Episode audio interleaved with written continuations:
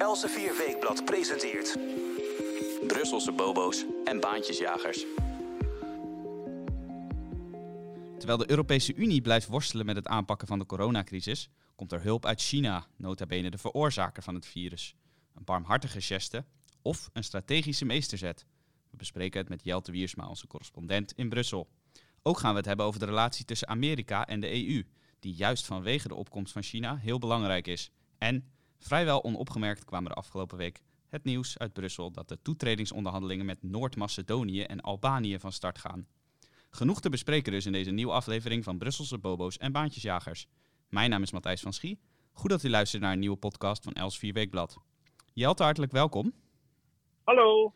We hadden het er in de twee vorige afleveringen al even over.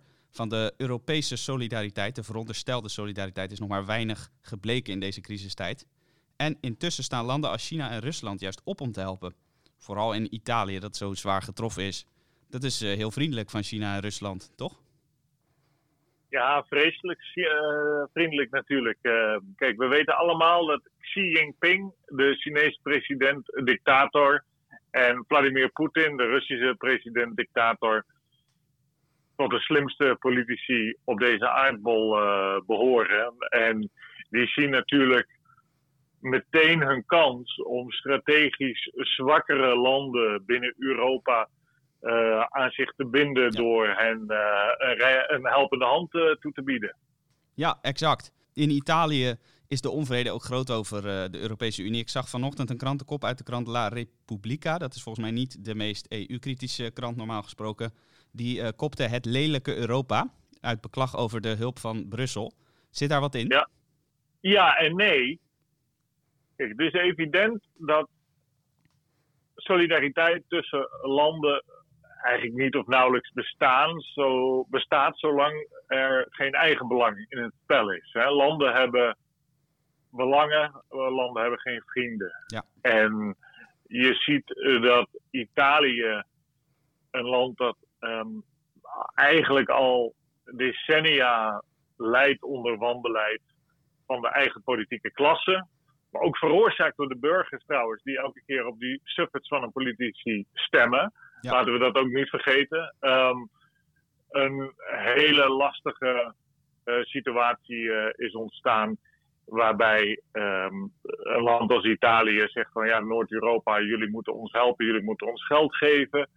En Noord-Europa zegt wel, nou, het is nu ook wel een keer afgelopen met het feest. Uh, en, en daarbij zegt Italië dan, nou dan gaan we ons uh, richten op uh, China bijvoorbeeld, of Rusland, Ja. uh, onze kamer kameraden al daar.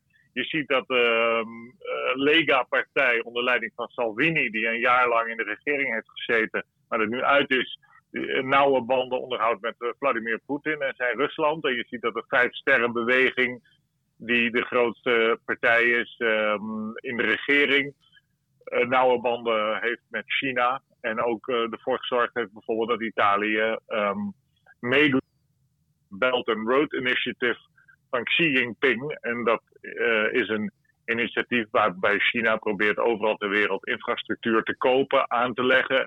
Even in samenwerking met andere landen. En uiteindelijk probeert alle handelsroutes zo in handen te krijgen en de wereldzeeën te gaan domineren. In het Italiaanse parlement uh, zagen we van de week uh, Salvini, die jij net al noemde, uh, tekeer gaan tegen China. Hij zegt, ja. de hulp kan nooit uit China komen, want China heeft de hele wereld besmet. En is daarmee Ja. eigenlijk misdadiger en niet de helper in deze crisis. Toen zei jij tegen mij, we zagen dit fragment, hij heeft boter op zijn hoofd. Ja, kijk, Salvini heeft natuurlijk gelijk. Ik heb dat ook in Elsevier geschreven. Hè, en we hebben het er vorige week over gehad. Dat elke coronadode eh, draagt de handtekening van Xi Jinping. Eh, Ja. Ik wil deze, de- dit rotvirus, dat komt daar vandaan. En door mismanagement in eerste instantie daar heeft het zich mondiaal kunnen verspreiden. Salvini heeft boter op zijn hoofd in die zin dat toen hij een regering vormde met de Vijf Sterrenbeweging, hebben zij als eerste en tot nog toe enige G7-land uh, zich aangesloten bij dat Belt and Road Initiative Ja. van Xi Jinping.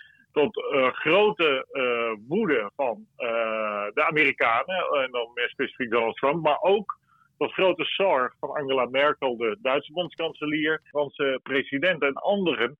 die hebben gezegd: doe dat nou niet, want je verkoopt je uit aan China en je wordt uiteindelijk een kolonie van China. En ehm, ja, China gebruikt deze crisis natuurlijk nu perfect, heel slim.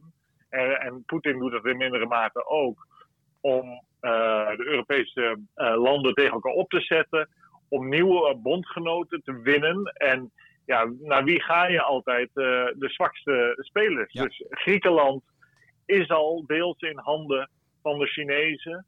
Dan heb je het beroemde 16 plus 1 initiatief. Dat gaat over 16 Oost-Europese landen plus 1 China. Uh, die ook samenwerken. Nou. En dan nu dus Italië, dat ook voor de bijl gaat de afgelopen uh, jaren. Dus je ziet de zwakkere broeders, Oost- en Zuid-Europa, die neigen allemaal naar China. Uh, vroeger zouden ze misschien wel meer ook gedacht hebben, we moeten ons op Amerika richten. Ja, maar. Trump, Trump, Trump, met zijn America First agenda heeft daar toch wel schade aan, aan toegebracht aan die relatie met Europese landen als je afvraagt waar ligt Europa, hè, dat is uh, de grote vraag wel eens historisch. Wat, is Europa nou eigenlijk? Waar ligt dat nou eigenlijk? Uh, dan kom je uh, tot een aantal kernlanden, toch in het noordwesten van Europa, die. en dan kom je toch weer Duitsland, Frankrijk, België, Nederland, Engeland en, en de Scandinavische landen misschien wel. Maar de, de rest speelt toch al een rol of, of verbindt zich met Azië op een manier die wat mij betreft zeer zorgelijk is. Ja, die uh, verbinden zich graag aan uh, landen met nou ja, flinke totalitaire trekken, zoals inderdaad Rusland en China. ja, noemt... we hebben dat eerder gezien. Hè? We hebben het eerder gezien. Dat is heel belangrijk natuurlijk dat tijdens de Koude Oorlog ja. een land als de Oost-Europese landen zaten natuurlijk allemaal onder het juk van de Sovjet-Unie. En Italië had een hele grote communistische partij. En de enige manier waarop die communistische partij elke keer buiten de regering werd gehouden, of wel in de regering ging, maar dan altijd werd gecontroleerd, was door massale interventies van de Amerikanen, die uh, via de CIA, via het Vaticaan, daar uh, andere partijen financierden, ook allerlei geheime operaties op, om de communisten in discrediet te brengen. Ja. Dus daar, daar zag je dat Italië tijdens de Koude Oorlog een slagveld was. En de Amerikanen hebben dat toen elke keer kunnen winnen met, met hulp van het Vaticaan. Uh, maar als de Amerikanen er niet zijn, wie geeft dan de tegendruk? Uh, exact. En... Dat is, een, dat is een mooi bruggetje eigenlijk naar het volgende onderwerp dat we in deze podcast willen bespreken. Want uh, jij hebt gesproken met Anthony Gardner, voormalig ambassadeur van Amerika bij de Europese Unie. Dat was onder president Obama destijds. En ja. hij heeft het eigenlijk ook inderdaad over die, die rol van Amerika om te voorkomen dat Europa en China dichter naar elkaar toe gaan. Wat, wat zegt hij daar precies over? Ja, Gardner is, uh, was van 2014 tot en met 2017 uh, inderdaad de topdiplomaat van Amerika in Brussel ja. bij de EU. En, en Gardner was iemand uit het kamp van Obama, anders krijg je die post niet. Hè. Dat wordt politiek neergezet. Ja. En hij heeft een boek geschreven, dat komt op 14 april uit. Dat heet Stars and Stripes. En de star staat dan voor sterren van de Europese vlag. En stripes natuurlijk voor de strepen van de ja. Amerikaanse vlag. En hij pleit daarin voor een hernieuwde politiek in de Verenigde Staten om zich te liëren met Europa en dan de Europese Unie meer specifiek. En hij pleit ook voor uh, meer Europese integratie.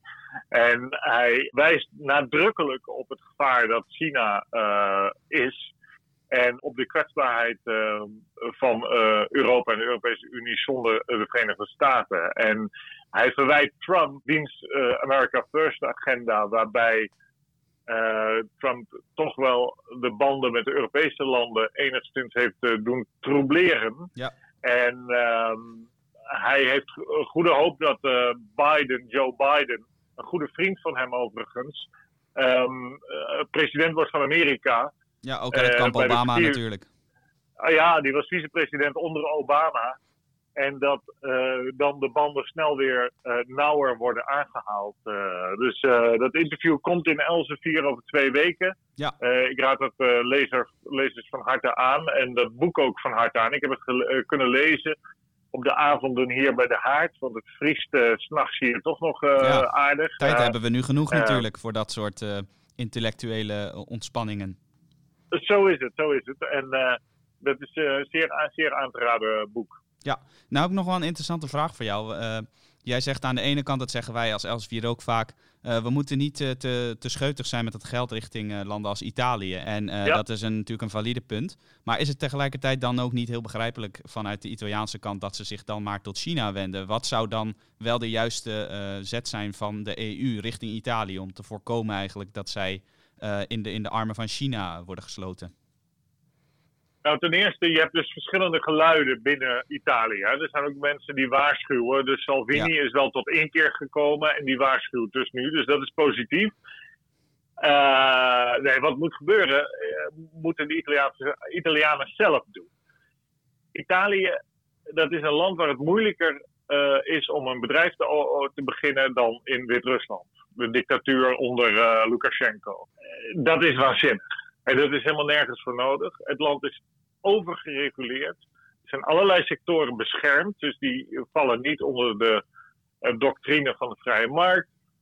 Er werken veel te veel mensen voor de overheid. Er zijn bijvoorbeeld op Sicilië, ik geloof 5000 boswachters, maar er is geen bos. Ja. Uh, dat kan je niet eindeloos volhouden natuurlijk. En de, 25% van de economie ongeveer is zwart.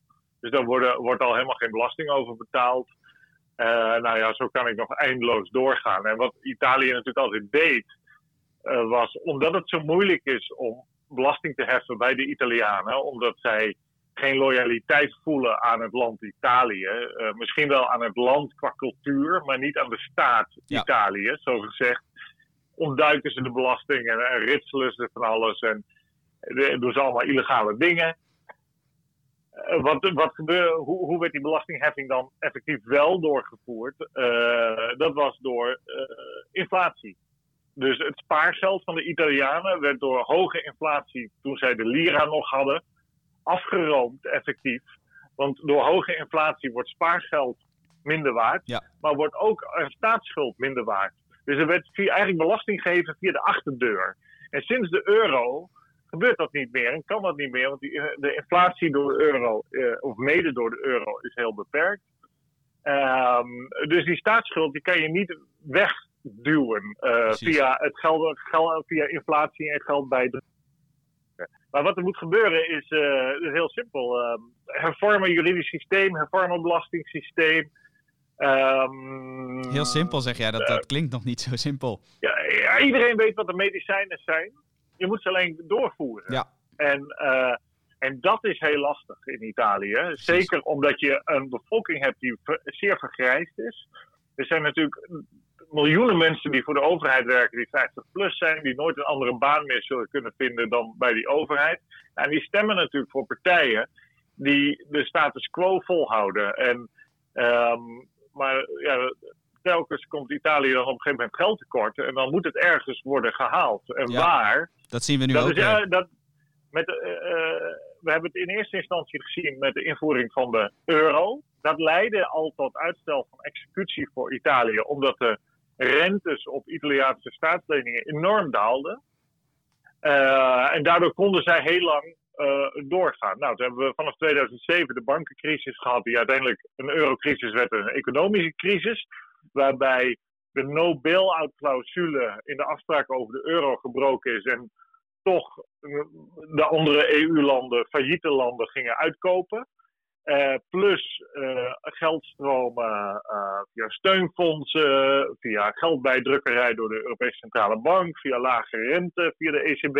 Er zijn allerlei instrumenten ingezet om Zuid-Europa erbij te houden. Toen heeft Mario Draghi, de president van de Europese Centrale Bank destijds, een Italiaan, maar wel in Amerika en Canada opgeleid. Die heeft elke keer gezegd: gebruik deze tijd die wij kopen als Europese Centrale Bank uh, in Zuid-Europa nu om die economieën te hervormen. Ja. En die geeft dus dezelfde medicijnen die ik net ook oplepel. Precies. Uh, de, het Internationaal Monetair Fonds geeft die medicijnen aan. En, uh, maar Italië wil dat niet nemen, heeft dat ook niet genomen de afgelopen tien jaar. En hetzelfde geldt in mindere mate voor, voor, voor Frankrijk, voor Spanje, voor Portugal. Ja, en nu door corona hebben ze problemen. En zijn de, zijn de buffers op. Ze kunnen, ze kunnen wel geld bijlenen. de ECB die drukt natuurlijk nu massaal geld bij. Je moet je voorstellen, de ECB mocht maximaal 30% van de staatsschuld van één land in handen hebben. Um, en nou, dat, die grens is nu laten vallen. Dus wat je krijgt is dat de ECB over tien jaar misschien wel de volledige Italiaanse staatsschuld in handen heeft. Precies. En jij en ik in Nederland staan daar mede voor garant. En, uh, er wordt nu ook gesproken over coronabonds, hè? Om Italië en andere landen die heel zwaar worden getroffen door corona er bovenop te helpen. Maar uh, jij zei het vanochtend in de vergadering op de redactie al even, dat uh, dat kan wel eens desastreuze gevolgen gaan hebben voor de hele Europese Unie en natuurlijk de munt de euro. Ja, kijk, tot nog toe heeft Zuid-Europa dus elke keer Noord-Europa kunnen chanteren met inderdaad, de EU valt uiteen en uh, solidariteit en anders gaan we wel naar China. Uh, en daardoor uh, hebben ze telkens geld uit Noord-Europa kunnen losfutselen. En we zien dat nu weer gebeuren. Dus de ECB gaat helemaal los, all out. We hebben dit nog nooit gezien. Dus, het is heel risicovol wat mij betreft. En we zien nu twee andere sporen, of drie andere sporen eigenlijk. Zuid-Europa zegt de Europese begroting moet hoger en er moet meer geld naar ons.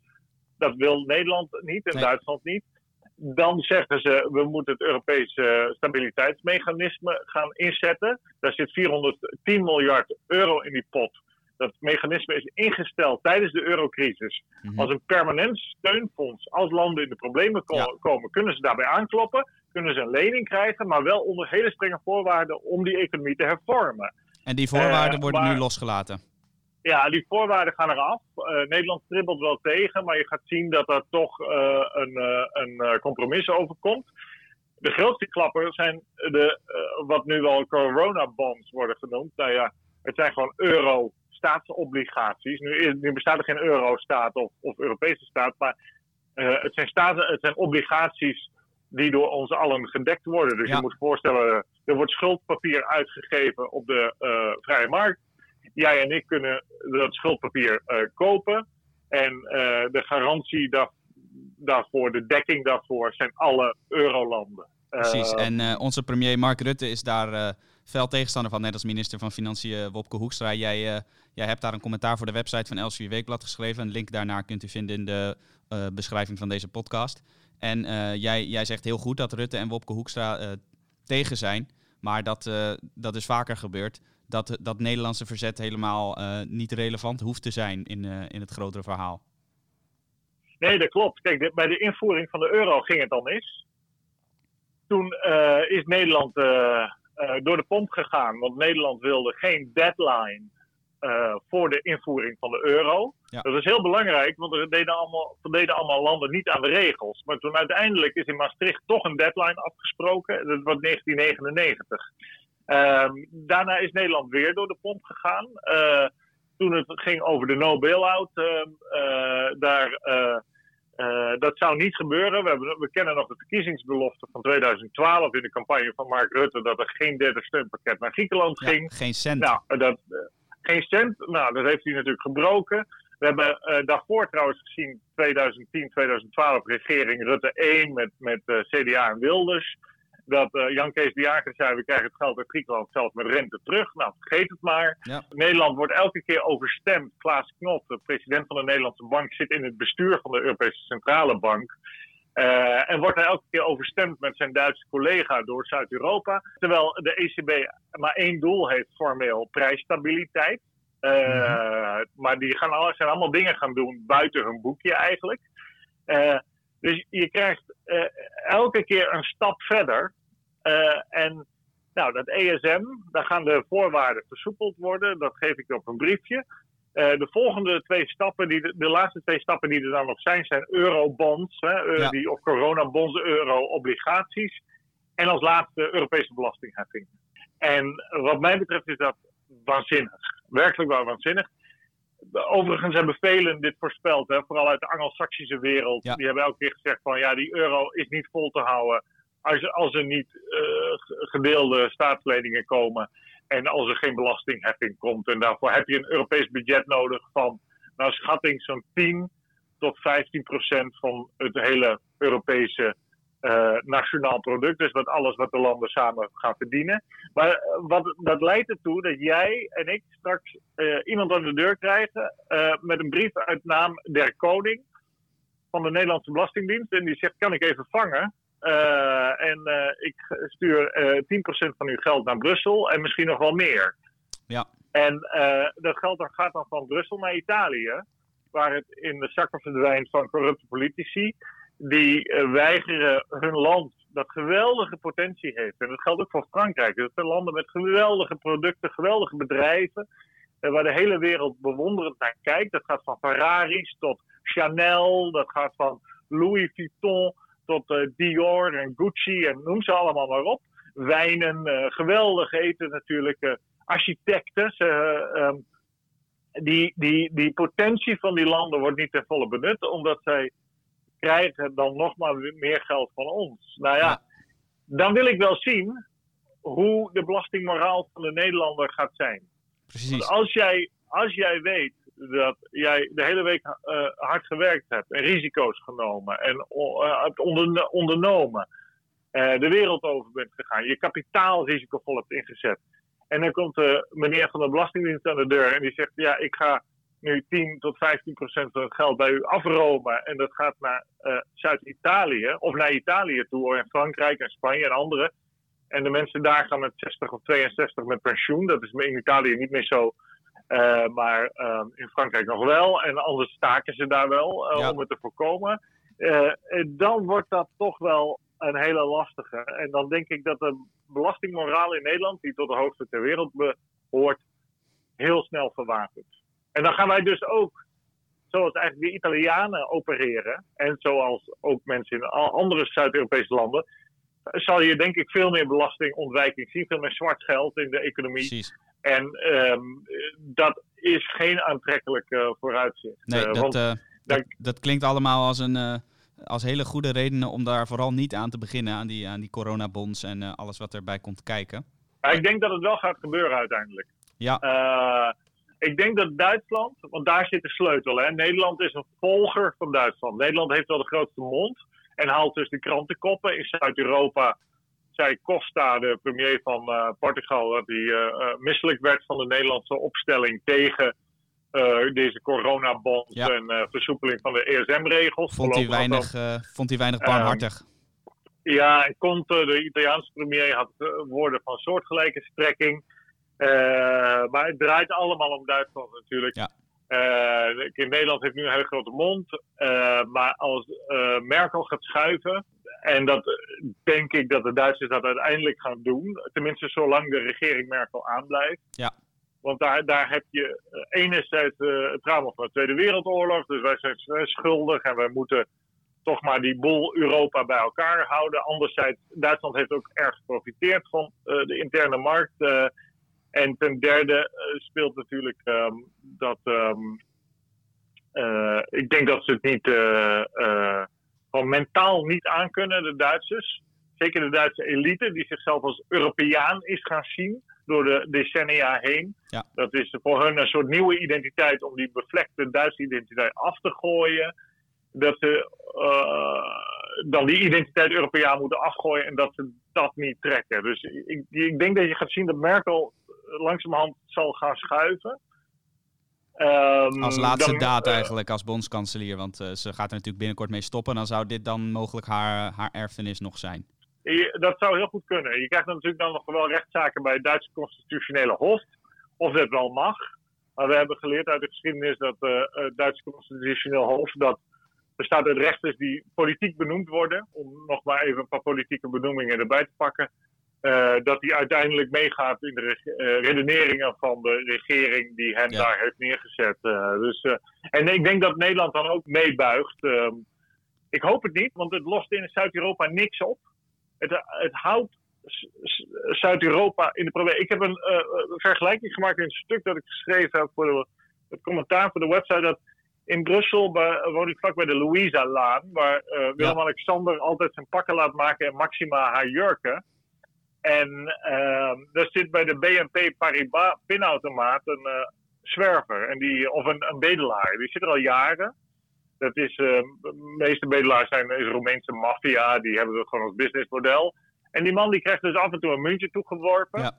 En die zit dus al jaren daar improductief te zijn. Ehm, en dat krijg je dus als je gratis geld aan iemand geeft. Dan blijft hij jarenlang improductief. Dan gaat hij de, e-, de, energie, de kennis, de creativiteit die ook zo'n man heeft, niet aanwenden uh, om productief te worden. Maar uh, blijft hij maar zijn hand ophouden. En je, krijgt, je krijgt dit ook in Zuid-Europa. Dat het zijn bedelaaarslanden die hun hand de hele tijd ophouden. En daardoor wij ja, nooit hun economie gaan hervormen. Terwijl dat catastrofaal is. Ook voor ons, hè? ook voor ons in het noorden is het essentieel dat Zuid-Europa gezond is, economisch. Want zij kopen onze producten, wij willen hun producten kopen. Uh, dus um, als die landen zichzelf niet helpen, dan helpen ze ons niet. Maar wij kunnen hun niet helpen. Dus dat, dat geldt niet andersom. Wij kunnen die cultuur van die landen ook niet veranderen. Dat is een, dat is een veel te grote uh, schep gooi op de vork. Wij gaan niet van Italianen Nederlanders maken. Zij moeten dat zelf op hun manier doen. Dat is misschien een andere manier dan in de boekje staat. Hetzelfde geldt voor Frankrijk. Zij moeten dat op hun manier doen. Maar de euro maakt dat onmogelijk. Uh, omdat hun, hun manier van doen daardoor, zoals inflatie, geldbijdrukkerij, gerotzooi. Dat werkte heel lang, maar dat werkt niet meer, omdat die euro er is. Dus ze moeten er of uit, of ze moeten uh, zichzelf kunnen heruitvinden en, en hervormen. Maar dat laatste zie ik niet zo gauw gebeuren. Dus uh, het beste is dat we eruit gaan, maar ik vrees dat we in het uh, voortdurende bedelscenario komen. Noord-Europa gaat toch weer geld geven aan Zuid-Europa en Zuid-Europa gaat niet hervormen.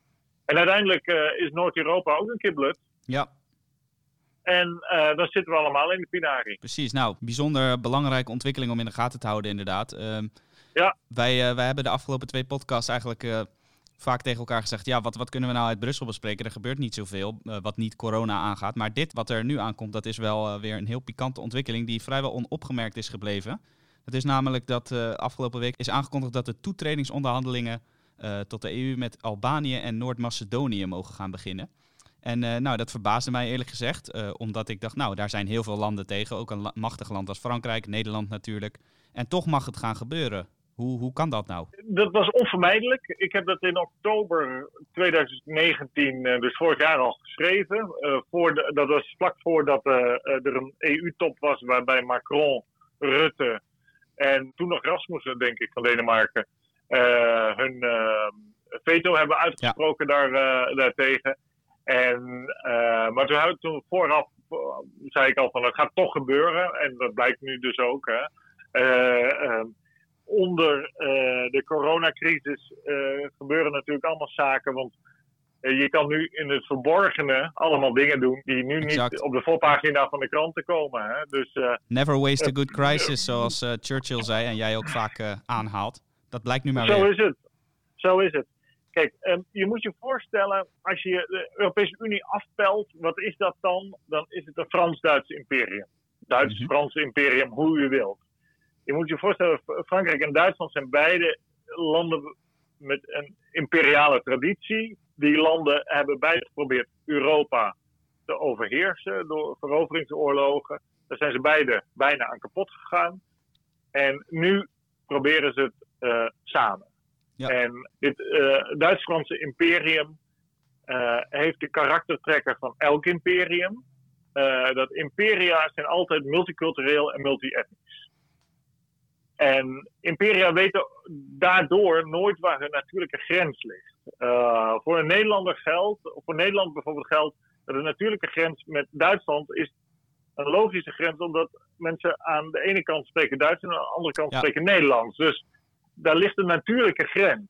En die uh, de imperia hebben dat niet. Dat had het Romeinse Rijk al niet, dat had het Britse Rijk niet. Dat uh, hebben had het Franse Rijk niet, het Spaanse Rijk, uh, ons Nederlandse Rijk ook niet. Dat, uh, toen, toen het imperia waren, imperia zijn letterlijk grenzeloos. Ja. Niet grenzenloos, maar wel grenzeloos.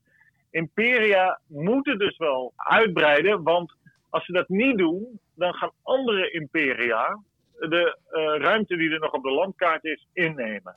We zien dat bijvoorbeeld in het conflict tussen de Europese landen en Rusland over Oekraïne.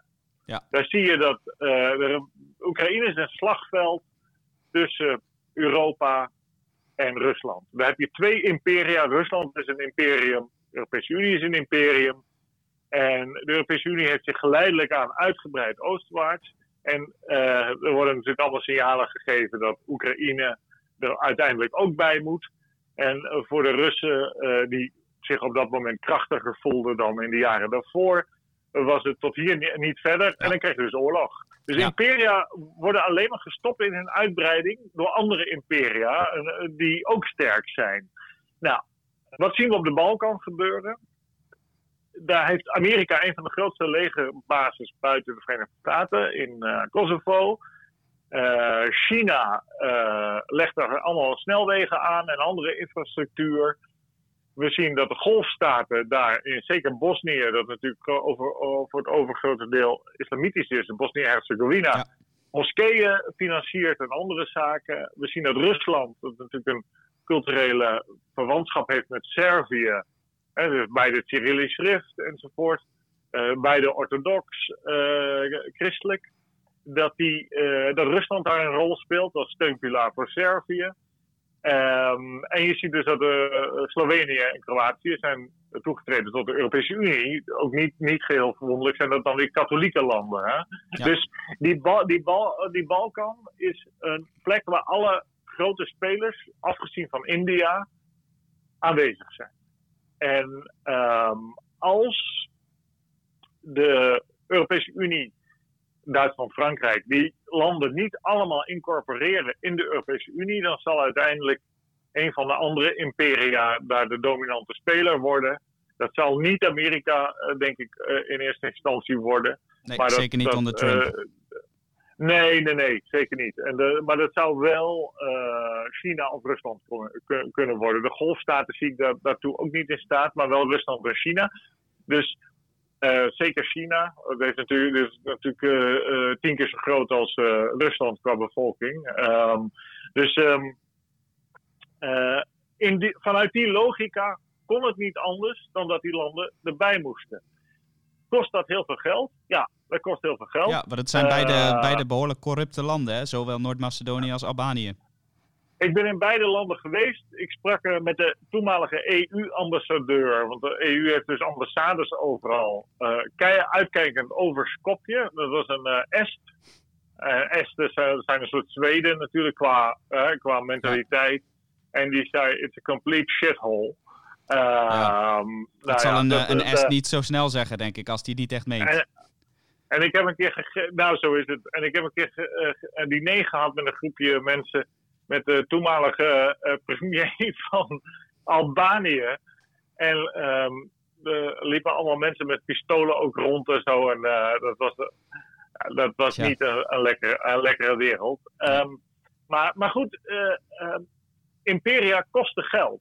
Dat is, ehm, wordt wel eens onderschat. Ja, daar hebben we het net uitgebreid over gehad natuurlijk. Dat is heel wel boeiend. Uh, minister Stef Blok, hè, die is dinsdag uh, door de pomp gegaan. Toen hebben de ministers van Buitenlandse Zaken van de EU-landen met elkaar gesproken. En hebben ze het fiat gekregen van hun bazen, de regeringsleiders, om die toetredingsonderhandelingen te openen. Ja. En Nederland was altijd tegen, want die zei, ja, ze willen niet aan de regels en het kost geld. Nou, dat is beide waar. Maar imperia kosten geld.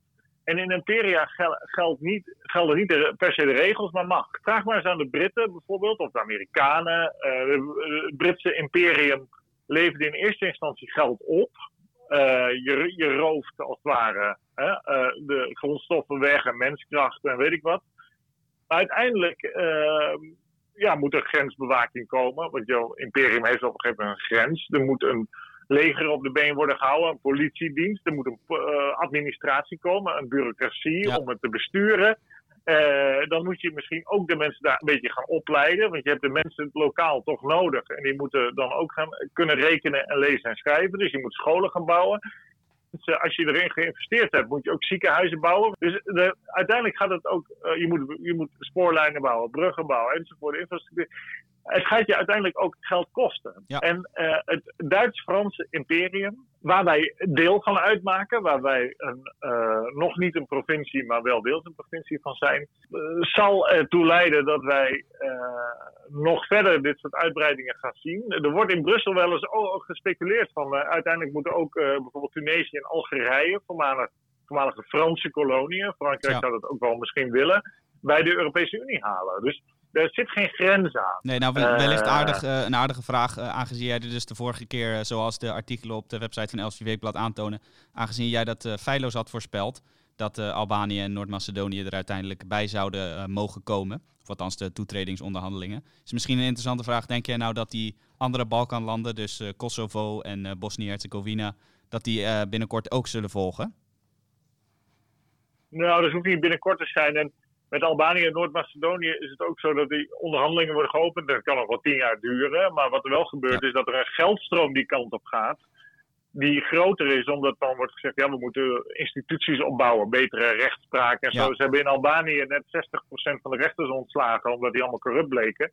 Uh, dus dan moeten weer nieuwe rechters worden opgeleid en er komt dan weer EU-geld voor. Dus het kan dan wel tien, tien jaar duren of vijftien jaar voordat ze lid worden van de EU. Ja, en dat zal voor die anderen ook gelden. Maar ik denk dat het vanuit de logica van hoe imperia in elkaar zitten, dat, het, dat ze zijn onbegrensd, uh, dat je er niet aan voorbij kan dat de EU zal uitbreiden, zo, zo ver uh, als het kan.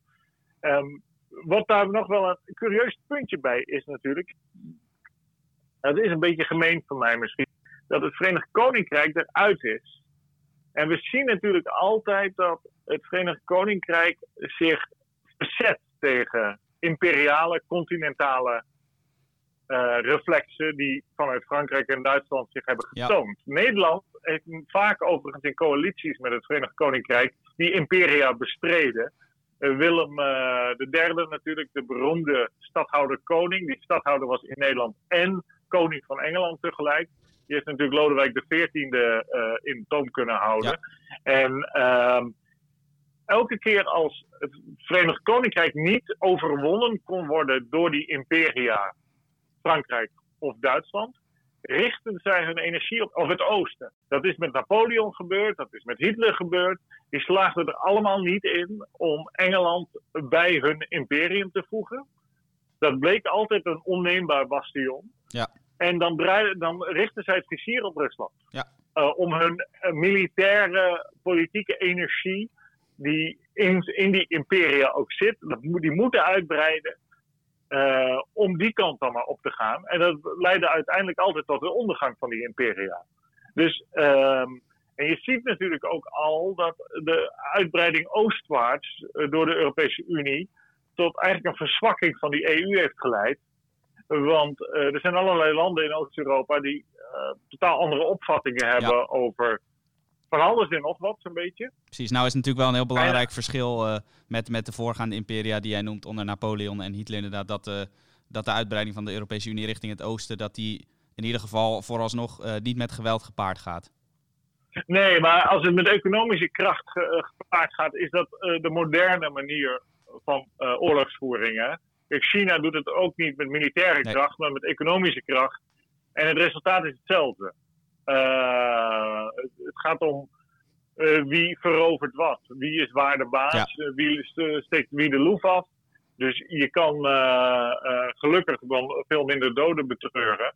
Maar het effect is hetzelfde. Dus we gaan zien of we de imperial overstretch, de ja. beroemde term, of we dat in het oosten weer gaan meemaken van de Europese Unie. Maar ik denk dat de EU gaat blijven proberen uit te breiden die kant op. Ook met misschien ooit, wie zal het zeggen, uh, Wit-Rusland, Lukashenko, de dictator daar, die flirt ook wel met de Europese Unie.